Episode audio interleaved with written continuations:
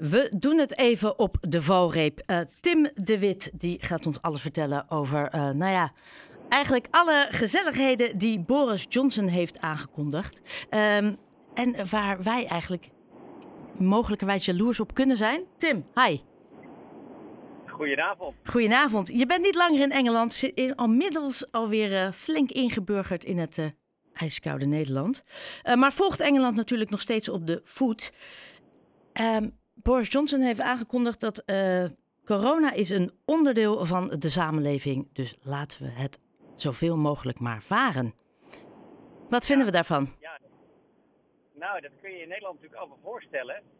Maar de Britten zijn er echt van overtuigd dat hun strategie gewoon heel goed heeft gewerkt. En uh, kijk je naar hoe het er daar momenteel aan toe gaat. Hè. Alles is daar open. Je hebt bijna geen coronamaatregelen meer. Gisteren heeft Johnson gezegd dat je niet eens meer mondkapjes hoeft te doen, bijvoorbeeld.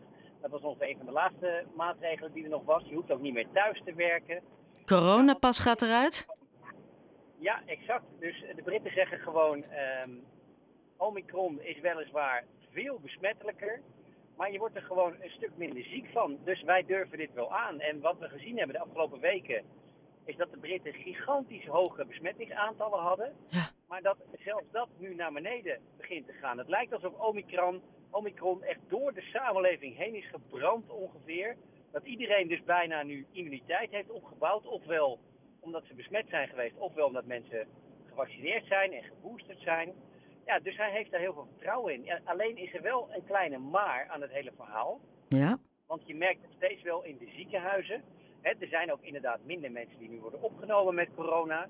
Uh, vanwege Omicron. Maar er zijn zoveel mensen besmet geweest, ziek geweest de afgelopen weken.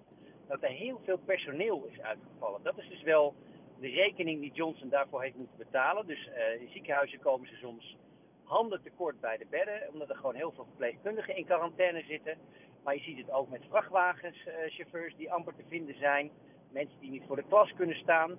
Dus de samenleving piept en kraakt wel de afgelopen weken.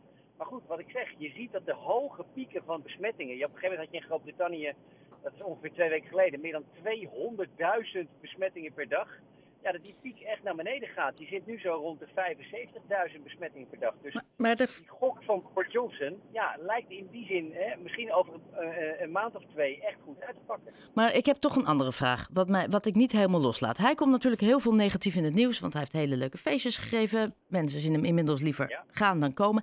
Is dit ook niet een soort verdoezelen dat we het niet langer hebben over die feestjes die hij heeft gegeven, maar uh, dat hij hiermee zieltjes probeert te winnen? Nee, dat is een heel goed punt. Dit is uh, absoluut onderdeel van zijn afleidingsmanoeuvre. om het vooral zo min mogelijk over Boris Johnson te hebben. Maar zoveel mogelijk over corona. Uh, want dit is bijvoorbeeld een eis, hè, dat hij dus nu al, al die maatregelen heeft laten varen. Alles wat er nog was. Ja, er waren heel wat medische experts ook om hem heen. Die zeiden, nou, weet je, rustig. Wacht nou even, doe dat nou nog niet. Ja, maar hij heeft haast. Ja, en, en dit komt echt omdat dus veel van zijn eigen partijgenoten, daar zitten heel wat uh, lockdown sceptici tussen. Die hebben er helemaal geen zin meer in, in die maatregelen. En hij ligt juist in zijn eigen partij enorm onder vuur. Omdat dus blijkt dat hij de regels aan zijn laars heeft gelapt. Ook al ontkent hij dat zelf natuurlijk in alle toonaarden. Ook met excuses die amper geloofwaardig zijn. Hè? Want hij was op een feestje in Downing Street.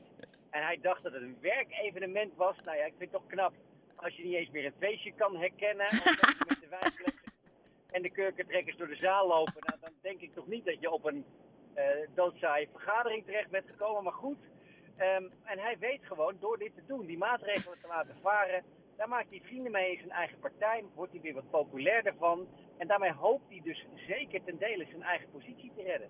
Uh, nou ja, en dan de vraag der vragen. Denk je dat hij dit gaat overleven? Want nou, daar... Het wordt nog steeds heel erg moeilijk hoor. Uh, want hij heeft toevallig de afgelopen dagen was het ontzettend spannend. Het lijkt erop dat hij daar wel enigszins doorheen is gekomen. Maar volgende week komt er een rapport. Opgesteld door een hoge ambtenaar uh, die onder Johnson werkt. Die heel serieus heeft gekeken naar uh, wat is hier nou precies fout gegaan. En ook vooral wat wist Boris Johnson en wat wist hij niet. Ja, en als je nu kijkt uh, naar wat dat rapport zou kunnen behelzen dan zou hij het echt wel eens heel erg lastig kunnen krijgen, ook dan weer. Dat komt dus volgende week. Nee, dus hij is nog lang niet uit de problemen, maar hij zit er nog wel. En als we één ding van Boris Johnson hebben geleerd, is dat het een soort Houdini is. Het is echt een politieke overlever. Hij gaat echt niet opgeven. Dus hij zal tot het bittere eind uh, proberen om premier te blijven, zolang als het kan. Uh, Tim, uh, dankjewel. Jij bent hiermee de afsluiter van Haarlem vandaag voor, uh, voor deze donderdag. met, nou ja, met, toch met het vraagstuk: blijft hij of blijft hij niet? Fijne avond. Heel erg bedankt weer voor je tijd. En nou ja, tot snel spreeks. We gaan het zien. Tot ziens. Tot ziens. Hoi, hoi.